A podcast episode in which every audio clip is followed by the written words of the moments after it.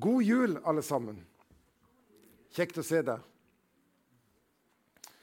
Fint å være sammen på julaften. Eh, og eh, på den måten forkynne juleevangeliet i både i ord og i toner og i bilder eller historie. Det er fantastisk. Og det gjør jo at vi på en måte prøver å være det vi sier vi skal være. Vi vil være en generasjonsmedie som hjelper mennesker til etterfølgelse av Jesus. Gjennom å elske Gud, elske hverandre og bevege verden. Og Nå har jeg tatt alle mine powerpoint på ukrainsk. Hæ? Så nå kan dere lese. til ære for dere, våre ukrainske venner. Eh, det andre juledag og Det som eh, Stian sa, det er på en måte Stefanusdagen. Dagen som vi hvis i kapittel 6 og 7 i Apostelens gjerninger leser om hvordan den første kristne matyr eh, Hvordan han led pga. sin tros skyld. Eh, og julas budskap er jo ikke et glansbilde. Altså, Historien som fortelles her, og fortelles, er jo ikke et, et glansbilde. Eh, og vi feirer også jul for å minnes Jesu fødsel, men rundt Jesus sto eh, Josef og Maria, og i løpet av kort tid etter fødselen så flykta de. Og Jeg vet ikke om de rakk å komme innom eh, Nasaret og hente alle tingene som de skulle ha med seg når de flykta, eller om de måtte bare flykte. Det var jo sånn at de bare sto på natta og reiste til Egypt. Så det er jo ikke, sånn, er jo ikke sånn en koselig fortelling, julefortellinga. Det er en ganske rå fortelling om, eh, om, lidelse, om smerte, om å gi slipp på, om å i situasjonen bare gjøre det situasjonen krever. Så, eh, så temaet er altså dette å stå sterk i stormen. Har noen av dere vært i storm? Skikkelig storm? Stått på fjell, kjent på naturkreftene, vind. Har, har dere det? Og du kjenner du, du må plante beina skikkelig, og så tenker du Åh! Og allikevel så, så, merker du det. Eh, og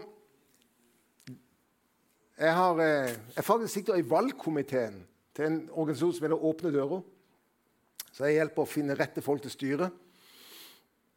Eh, og Åpne dører har eh, lagd et kurs som heter 'Stå sterkt i stormen'. Eh, og de, opp, de, har vært opptatt av det spørsmålet hva kjennetegner en tro som tåler motstand, som tåler forfølgelse?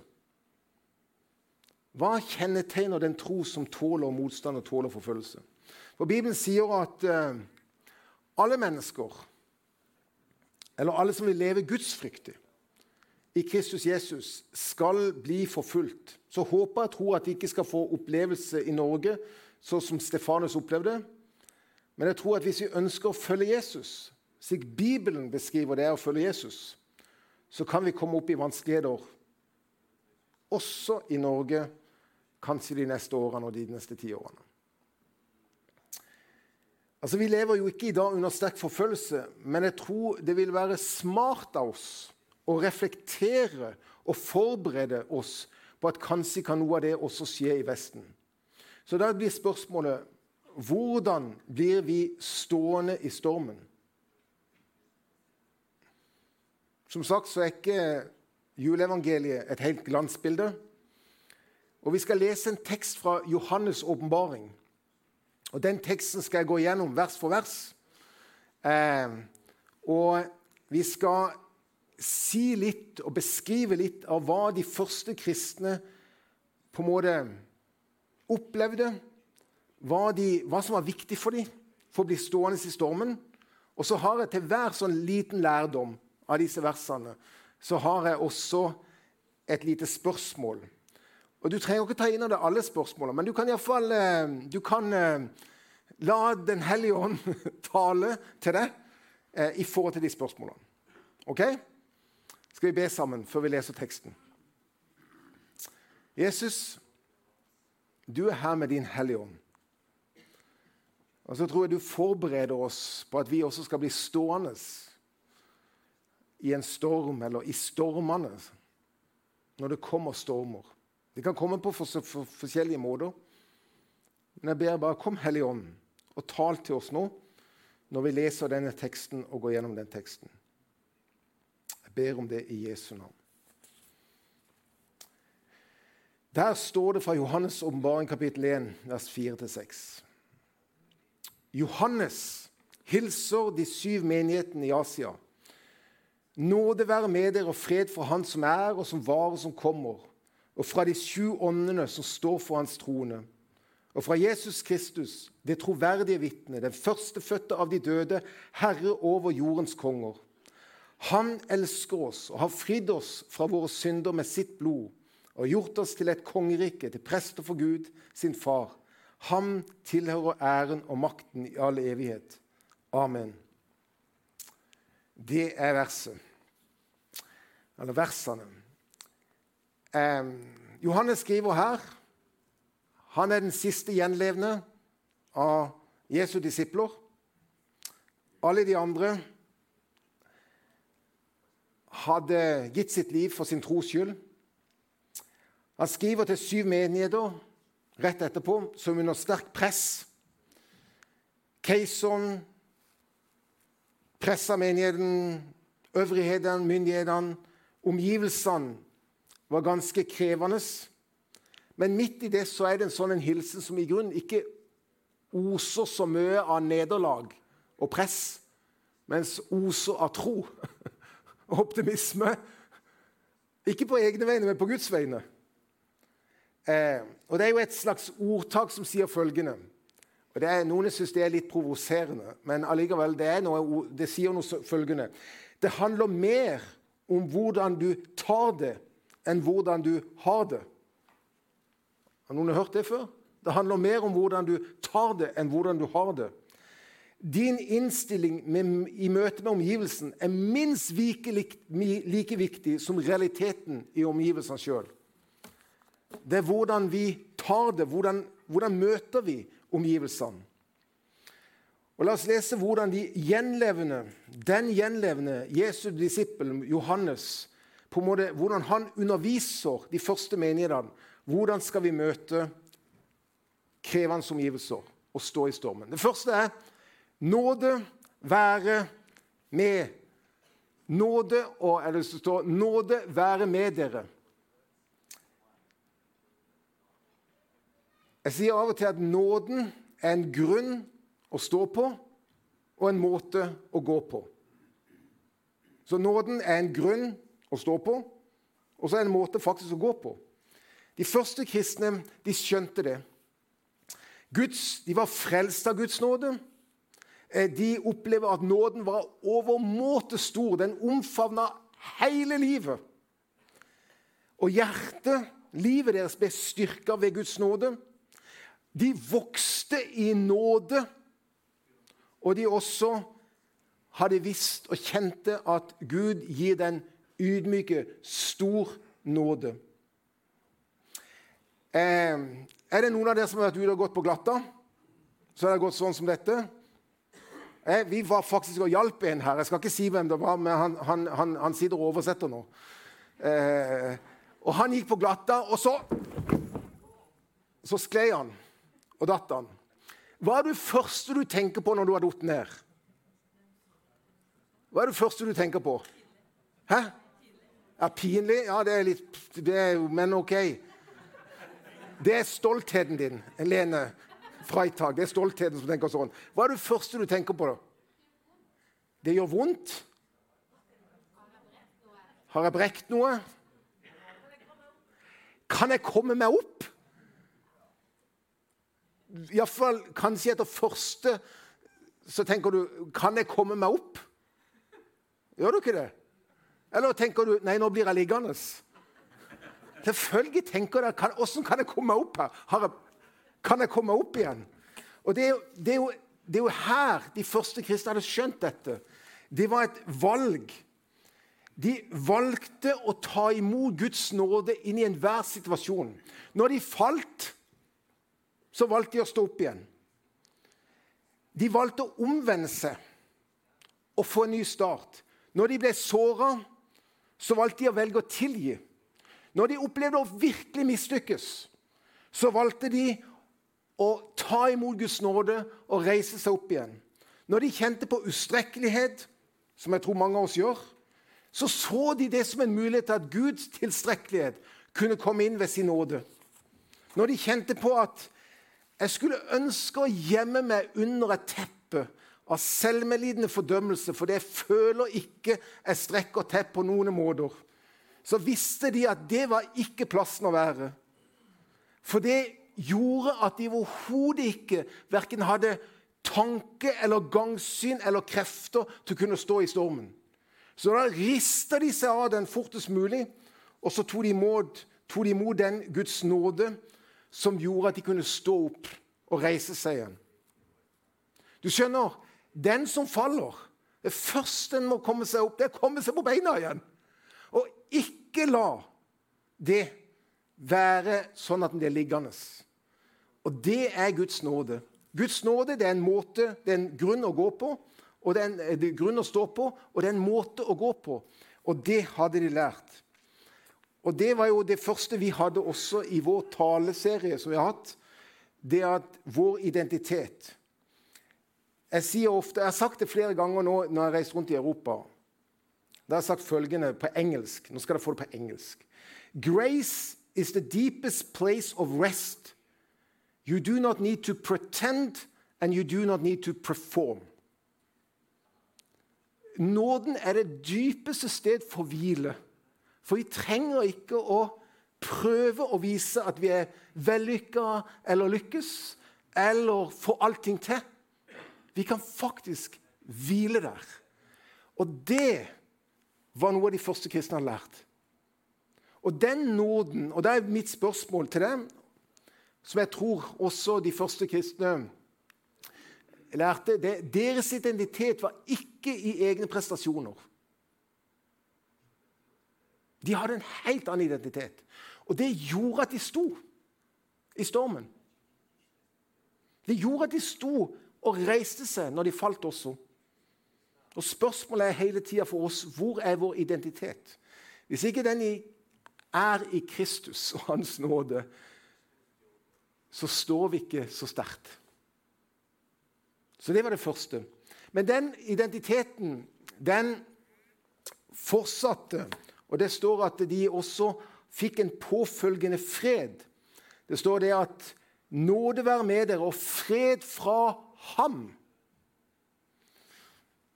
Trenger vi fred? Trenger vi fred? Ja, vi trenger fred rundt oss. Vi trenger fred i oss. Og Filipperbrevet lærte de første kristne at vær ikke bekymret for noe, men la alt som ligger dere på hjertet, komme fram for Gud i bønn og påkallelse med takk. Og Guds fred, som overgår all forstand, skal bevare deres tanker og hjerter i Kristus Jesus. Og Det er en ting som vi trenger å lære i vår kultur, der vi i grunnen vil ta hånd om alt sjøl. Det er at alle ting vedkommer Gud. Og Hans nåde og fred virker inn i alt.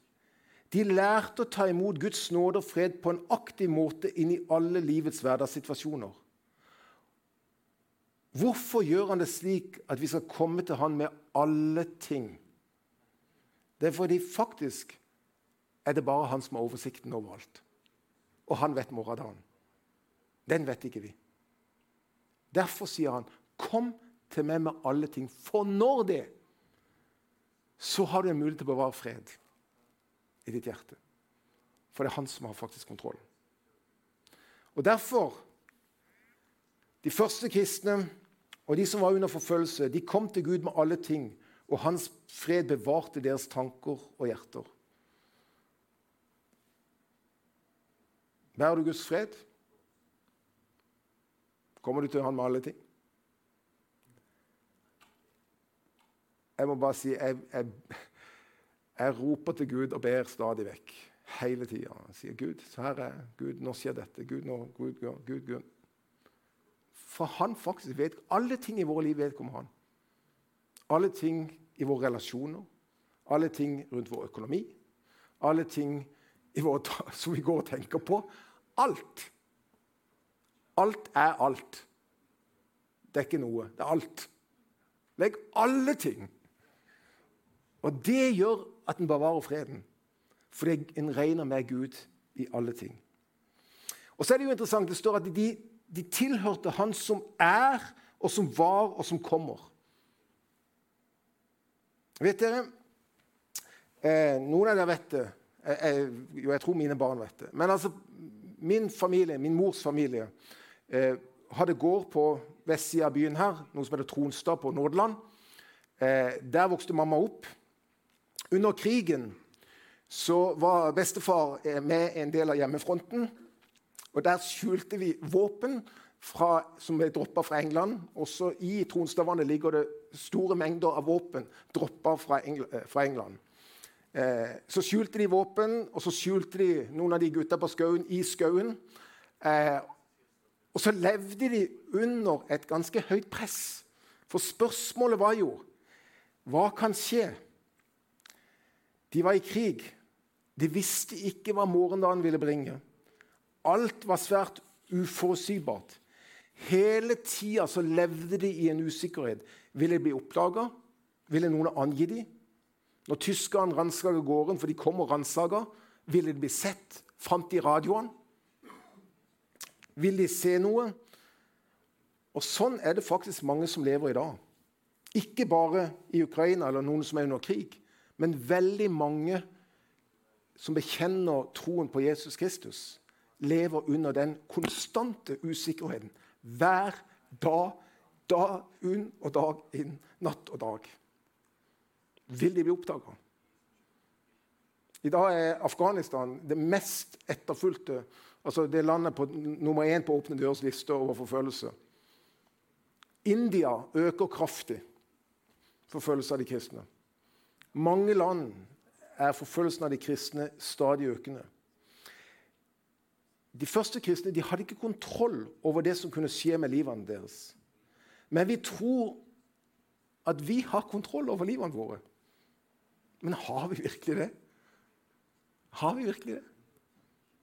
Gud er den som har oversikten. Han er utenfor vår forståelse av tid og rom. Han er den som har vært gjennom alt, og som vet alt hva som kommer.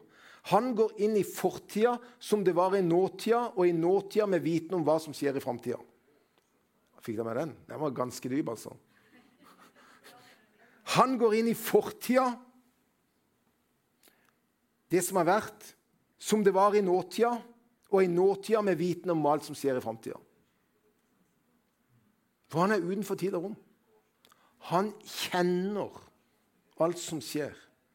Og Derfor lærte de Paulus de første kristne å takke Gud under alle forhånd i vissheten om Han som er, som var og som kommer, har kontroll. Uansett. Og Det er jo spørsmål til meg også når jeg når jeg tenker Hvilken illusjon lever jeg med? Lever jeg med en illusjon om at jeg faktisk har kontroll? Eller hengir vi oss til Han som har alle tider i sine hender? De levde ikke uansvarlig, men det var en ansvarlighet som ikke bare regna med seg sjøl. Og til så er vi så ansvarlige at vi bare regner med oss sjøl. Jeg vet ikke om det er sånn, men av og til kan jeg ta meg sjøl i det. Og Gud er ute av bildet, og så regner jeg bare med meg sjøl. En, en, en, en, Guds rikes ansvarlighet regner ikke bare med seg sjøl.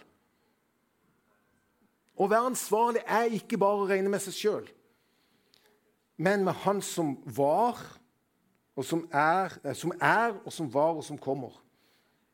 Var med i beregninga. Og da blir regnestykket helt annerledes. Da blir freden større, og nåden får en hvile. De ga opp kontrollen over eget liv til Han som er, var og som kommer. Og Da er det jo spørsmål hvem har kontrollen i våre liv?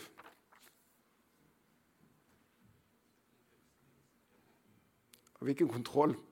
Hva, hva betyr ansvarlighet for oss?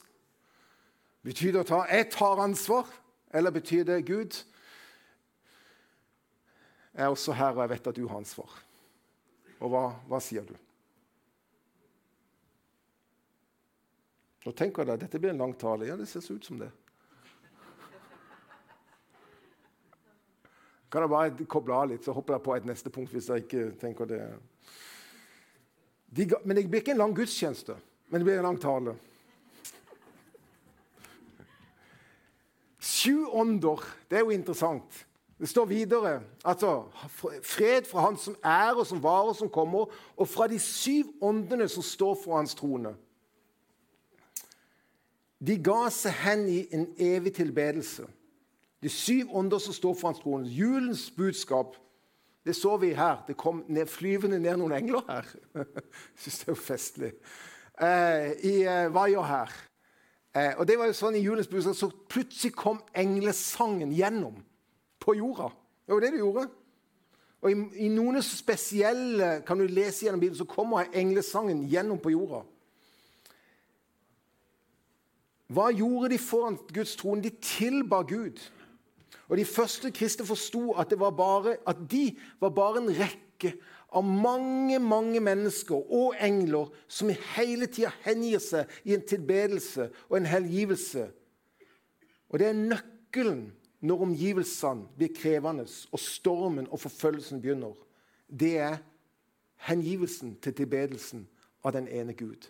Sammen med alle de som har gått foran, og som står foran Guds trone og tilber. For når de er overgitt seg til Han som var, og som er, og som kommer, blir de dratt inn ved Den hellige ånd i en tilbedelse som har foregått foran Guds trone i all evighet. Faren i dag at vi mister Guds nåde og Guds fred i vårt liv. Bekymring og frykt overtar på grunn av at vi så lett tilber skapningen framfor skaperen. I vår vestlige verden så blir fort konsumet materialismen-tilbedelsen. Og er, Dette er ikke en sånn greie inn i jula. Fy, fy, da skulle ikke kjøpt gaver. Det er ikke det jeg sier. Det er, mye, det er litt større på måte, område enn det. Men det er helt klart at jeg tror jo vi av og til har skifta ut trosbekjennelsen vår. Jeg husker jeg sa det på fellesmøtene. Der vi sier vi tror på Gud Fader, er skifta ut med vi tror på staten, som hjelper oss fra vugge til grav. For vi har utrolig gode sosiale goder som tar i grunn hånd om oss. Trenger vi virkelig Gud? Og Der vi sier vi tror på Jesus Kristus, der vi, vi tror på våre penger, for det kan vi kjøpe alt vi trenger. Og Der vi sier vi tror på Den hellige ånd, så sier vi i grunn vi tror på meg, mitt og mine, for jeg er sentrum av alt.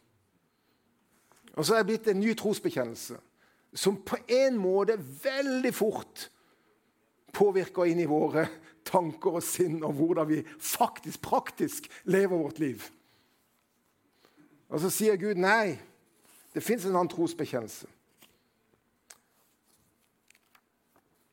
Når ånden av materialisme er så sterk som den er i våre omgivelser, står vi i fare for å begynne å tilbe det skapte framfor skaperen. Og under forfølgelse, når privilegier jeg tenker Noen av de som er på, fra, fra, Ukraina, de har forlatt alt. De har hatt fire kofferter. Mange, noen millioner av mennesker nå har forlatt alt. De har koffertene, og kanskje har de mista alt de eier og har. Da det rokkes litt. Se for deg at du i, går, i morgen mister alt du eier og har. Og Du har ingen forsikring, og du har ingenting. Alt du har bygd opp over hele ditt liv, er tapt. Hva tenker du da? Hva er det som har verdi? Det er jo realiteten for veldig mange. Også for de som må flykte for sin tros skyld. De må bare flykte fra alt. Og Da er det alltid et spørsmål hva, hva er fokus? Hvor er vår dypeste tilbedelse? Kjenner vi Guds nåde og fred, hender vi oss til tilbedelsen av Han og forstår at vi er en del av millioner av engler og mennesker som har gått foran, som står for Guds trone og tilber Han. Hengir vi oss til den tilbedelsen? Deres liv var en tilbedelse til Skaperen. Og hvor går din og min tilbedelse? Til Skaperen eller skapningen? Neste verset. Det går fortere på slutten, bare så dere vet det. Men jeg har forberedt en tale. Jeg tenkte, jeg taler alltid for de som er der, ikke for de som ikke er der. Jesus Kristus, det troverdige vitnet. Jeg synes Det er en fantastisk måte å si det på. Jesus Kristus, det troverdige vitnet. Det er ikke et eventyr vi hengir oss til. Hør her. Det skjedde i tidens fylde, sier Paulus i Galaterbrevet. Det skjedde i de dager Augustus var keiser og Herodes var landshøvding. Vi hengir oss til noe som har skjedd. Jesus Kristus er et troverdig vitne. Hva er et, hva er et troverdig vitne i en rettssak? Når vi sier troverdig, det er et troverdig vitne, hva betyr det? Jo, det er jo et vitne som sannsynligvis forteller sannheten. Eller som faktisk vi tenker at det er troverdig, det er verdig til å bli trodd. For det, det er stor sannsynlighet for at det den personen har gjort eller sier, er riktig, for han har vært der og sett det. Det er verdt å stole på. Og Jesus Kristus er et troverdig vitne. Han vitner sant om hvem Gud er, og han er til å stole på. Guds løfter har fått sitt ja og amen. Det skal skje i Jesus Kristus.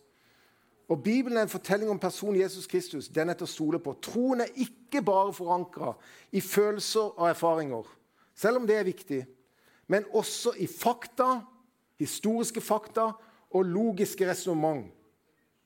Derfor er også Bibelen Guds ord og en bok en kan stole på. Troverdig. Jesus Kristus er det troverdige vitnet. Alle løftene han gir, står fast. Og jo mer vi våger å hvile i og gå på Guds løfter i dag, jo flere blir våre erfaringer at det han har sagt, er sant. Og de erfaringene blir en enorm styrke når stormen begynner å rase. De erfaringene blir noe som blir bærende, for vi vet det er jo sånn at Når vi har noen erfaringer over tid av det samme gjentagende, så skjer det noe med oss. Da reagerer vi ut fra de erfaringer vi har. For vi har erfart det. Og når vi erfarer av Guds løfter, vi går på Guds løfter, så gir det en styrke inn i våre liv. Så de hvilte i løftene til det troverdige vitnet Jesus Kristus. Og Hviler du i Bibelens løfter og handler i lydighet på det? At det faktisk er sant? At det gjelder deg og meg?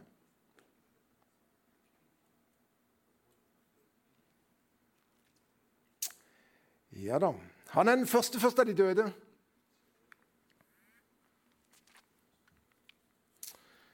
Vi går inn for landing. Det går fortere på slutten. De så fram til oppstandelsen og visste at livet bare var en begynnelse. Livet her og nå.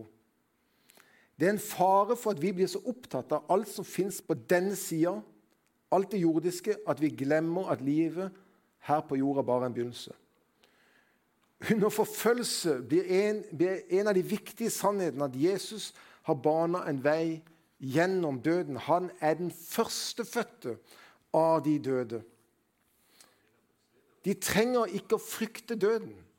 Døden er en port. Det er ikke et punktum, det er et komma. Det er bare en begynnelse på en fortsettelse. Døden. Det livet på denne jorden er kortvarig, og vi lever faktisk for et annet rike.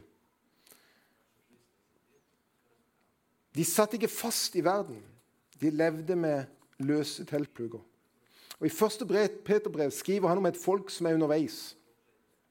Et folk som er fremmed for denne verden. Det handler ikke så mye om hvor lenge vi lever, men hvordan vi lever. Hva gjør vi med livet? En tro som tåler storm, forfølgelse, har et perspektiv på at dette livet ikke er alt. Vi har så mye mer i vente.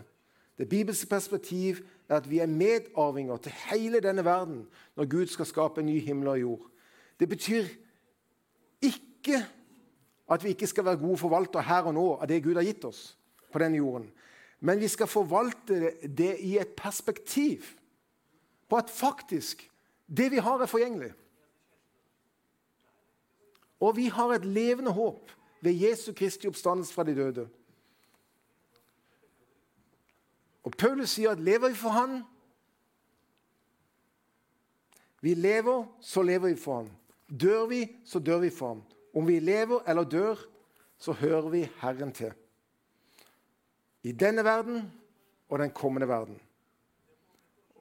Og Jeg tror de første kristne de forvalta liv og eiendeler i en forståelse og perspektiv av den kommende verden, ikke bare denne verden. Og Hvilket perspektiv har du når du skal forvalte liv og det du har? Hvilket perspektiv har vi? Det er helt klart at når stormen kommer, hvis vi bare har et dennesidig perspektiv, så er det ikke så holdbart. Men hvis vi ser lenger og over, så blir livet mer sett på en annen måte. Ok. Men han var ikke bare det. Han var herre over jordens konger. Det er jo viktig å vite når ting begynner å virkelig bli utfordrende. Jesus Kristus er herre over alt. Vi, eh, Johannes skriver til de kristne som sto midt i stormen.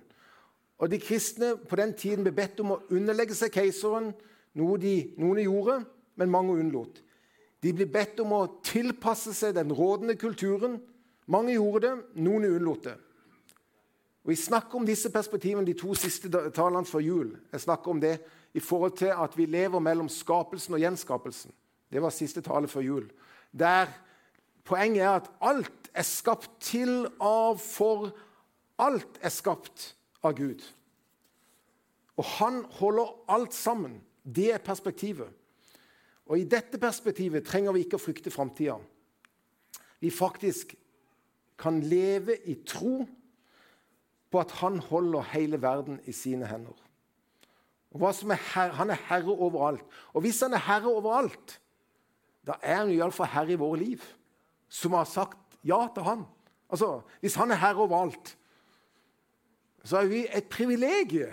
Det, det er et sant privilegium og sier Jesus, da er du herre i mitt liv, du som er herre overalt. Altså, det, det er jo vårt privilegium å få lov til å si til Jesus, du som er herre overalt, vær også herre. Om vi mister våre privilegier, blir misforstått, hengt ut i media,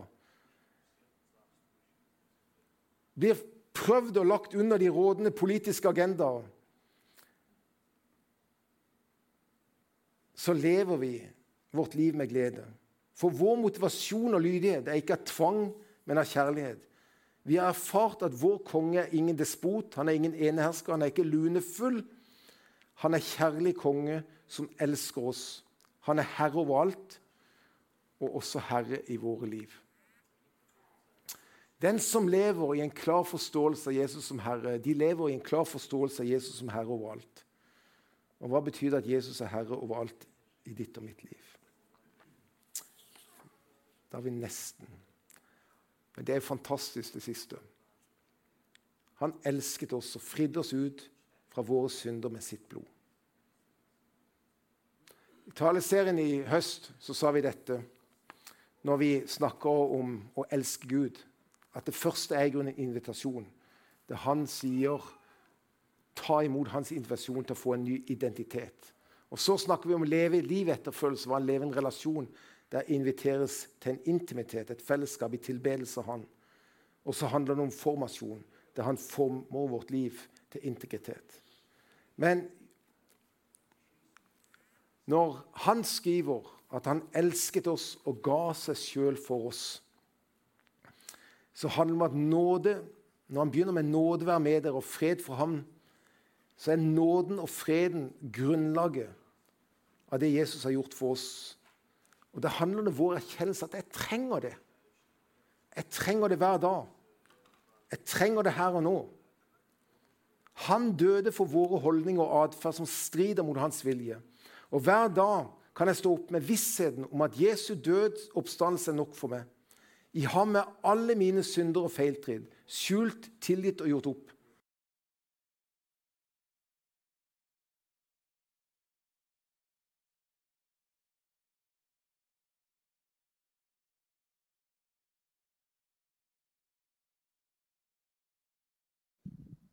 Men forståelse av den pris som Jesus betalte, den var utrolig viktig. For når, når, når de skjønte hva Jesus hadde gjort. Han døde for deres synder med sitt blod. Og hver gang de brøt det brødet som de hadde nattverd Det står jo at de hadde nattverd daglig. Kanskje var det sånn at de måtte ha nattverd daglig. Og Hver gang de brøt det brødet, så visste de at Kristi kropp var brutt. Og kanskje ble min også kropp brutt. Og Hver gang de tok blodet og drakk det, så visste de at Kristi blod var utøst for deres skyld. Og Kanskje en dag måtte gi sitt eget blod. De levde i en forståelse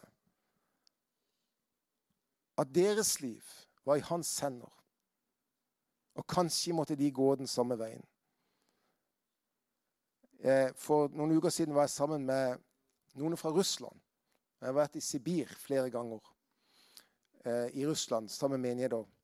Og der lever de under en ganske tett forståelse, for alle har besteforeldre eller oldeforeldre som er drept for deres kristne tro. Og Jeg sto eh, ved ei grav, ved et minnesmerke, der mange titalls pastorer ble, ble, gravlagt levende eh, under sa-tida. Eh, og noen av det var deres, det var deres slektninger som ble gjort det. Men poenget er jo at hvis du vet og har en erfaring hva Jesus har gjort for deg. At han ga sitt liv.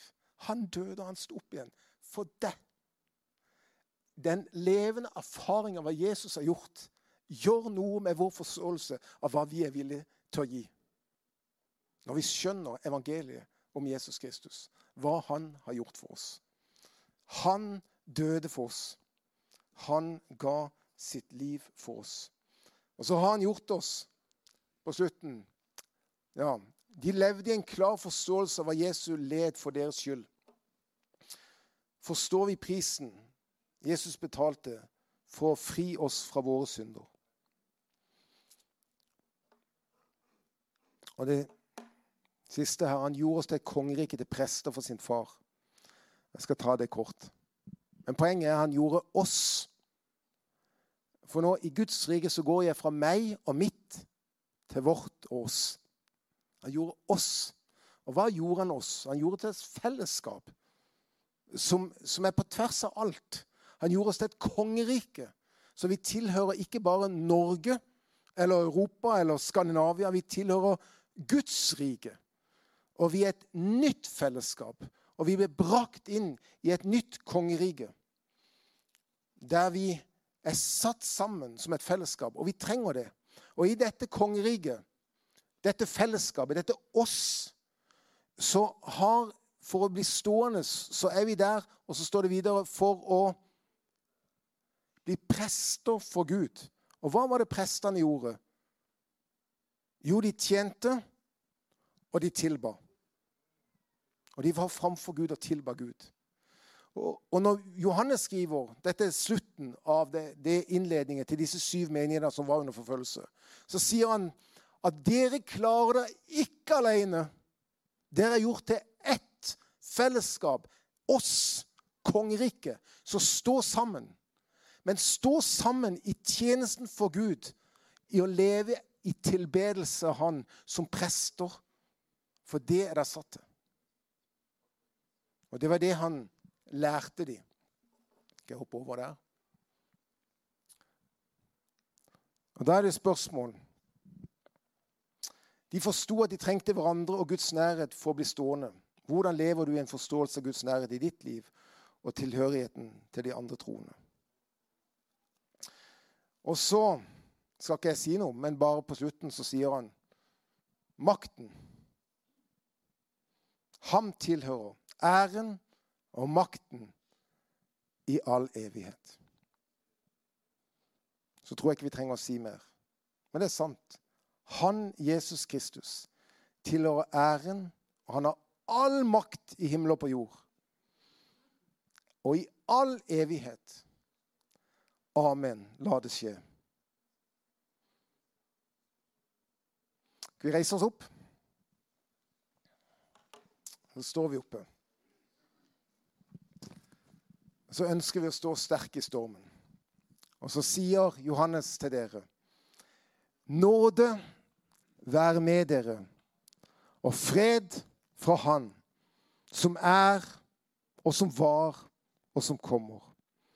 og fra de syv åndene som står for hans trone, og fra Jesus Kristus, det troverdige vitne, den førstefødte av de døde, herre over jordens konger.